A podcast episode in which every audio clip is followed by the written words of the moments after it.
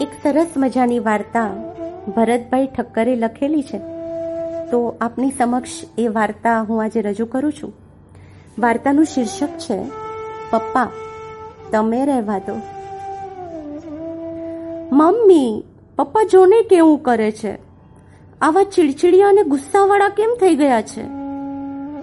છેલ્લા કેટલાય સમયથી પપ્પાના બદલી રહેલ સ્વભાવથી દંગ અને તંગ આવી રહેલી પૂજા પોતાના મમ્મી વર્ષાબેનને પૂછી રહી હતી. વર્ષાબેનને પોતાને પણ ખૂબ નવાઈ લાગી રહી હતી કે પ્રદીપનું આવું સ્વરૂપ તો તેમણે ક્યારે નહોતું જોયું. નાની નાની વાતોમાં એ પૂજાની ખબર લઈ લેતા.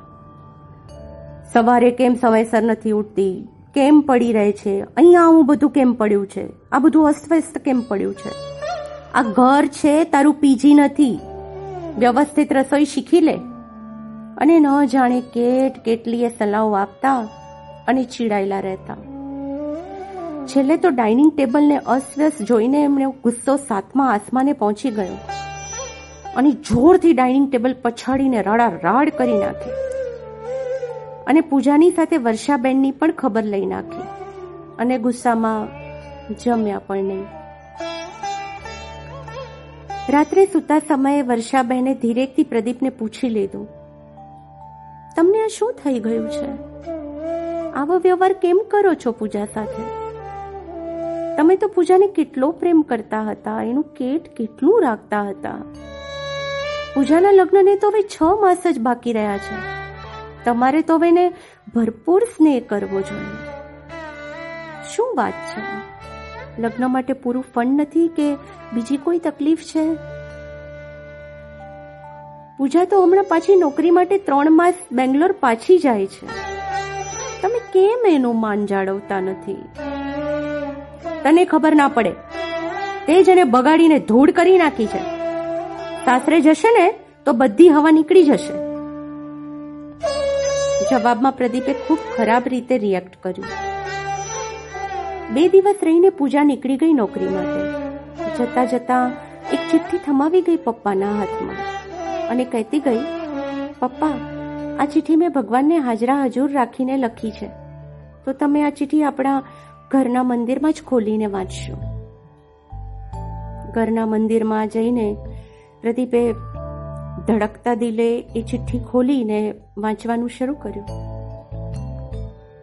પૂજ્ય પિતાજી, મને તમારા વારંવારની સલાહ ચીડિયાપણું અને ગુસ્સાનું કારણ મળી ગયું છે. પરમ દિવસે જ્યારે હું તમારું ટેબલ વ્યવસ્થિત કરતી હતી ને, ત્યારે તમારી ડાયરીમાંથી નીચે પડેલ છાપાના એ કટિંગ અને એ લેખે મને તમારા બદલાઈ રહેલા સ્વભાવનું કારણ આપી દીધું. એ પૂરા લેખમાં દીકરીને લગ્ન પહેલા, સાસરે મોકલતા પહેલા, કઈ રીતે તાલીમ આપીને સારા સંસ્કાર આપીને જ મોકલવી તે અંગે ખૂબ જ સારી અને સાચી છણાવટ કરેલી હતી. એના અભાવમાં સાસરે ગયેલી દીકરીઓને કેટ કેટલી તકલીફો થાય છે. બ્રેકઅપ પણ થાય છે. અને ઘણીવાર અણસમજુ દીકરીઓના લીધે અણચેતવ્યા બનાવો પણ બની જાય છે. તે અંગે સચેત કરાયેલું હતું એ લેખમાં પપ્પા. એ લેખ વાંચીને હું સમજી ગઈ પપ્પા. તમને મારા સાસરે જવા વિશે, મારા ભાવિ વિશે ખોટે ખોટી ચિંતાઓ ઘર કરી ગઈ છે. મારી સાથે કંઈ અનિષ્ટ ન થાય. એટલે તમે મને સુધારવાના બધા જ પ્રયત્નો ચાલુ કરી દીધા. પપ્પા, તમારા જેટલો સ્નેહ કોણ કરી શકે? તમને તો ગુસ્સે થતાય નથી આવડતું. તો પણ ગુસ્સો કરીને બતાવતા, જેથી કાલે ઉઠીને હું સાસરામાં કોઈ પણ પરિસ્થિતિનો સામનો કરી શકું. તમારા સંદિગ્ધ વ્યવહારથી તમે મને એક જાતનું વેક્સિનેશન, રસીકરણ કરી રહ્યા હતા, પપ્પા. મને સમજાઈ ગયું.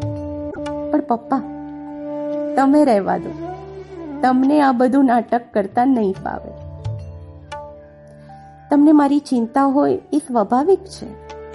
કદાચ મારી અલ્લડતા, મારી બેફિકરાઈ અને મારા આળસ વિશે વધુ પડતું ચિંતન કરીને તમે ચિંતાગ્રસ્ત છો. પપ્પા બિલીવ મી મારા સાસરાવાળા ખૂબ જ સારા માણસો છે. એ મને સાચવી લેશે અને મને પુત્રીની જેમ રાખશે. અને ધારો કે સારા માણસો ન પણ હોય ને, તો હું એમને સાચવી લઈશ. પપ્પા, હું તમારી પુત્રી છું અને ઘણું બધું મેનેજ કરી શકું છું. બાર ભણ્યા પછી, નોકરી કર્યા પછી મને ફાવટ આવી ગઈ છે. હું કોઈ પણ સંજોગોમાં સુખી રહીશ, ઓકે? પણ તકલીફ એ છે ને પપ્પા, કે દુનિયાના દરેક પપ્પાની નજરમાં એમની દીકરીઓ એવડી ને એવડી જ રહે છે. ક્યારેય મોટી થતી નથી. એટલે તમને મારી ખોટી ચિંતા થાય છે. પપ્પા પ્લીઝ બિલીવ મી હું બધી સ્થિતિ સંભાળી શકું છું. અને તમને વચન આપું છું કે દરેક સંજોગોમાં હું સુખી કરીશ અને સુખી થઈશ.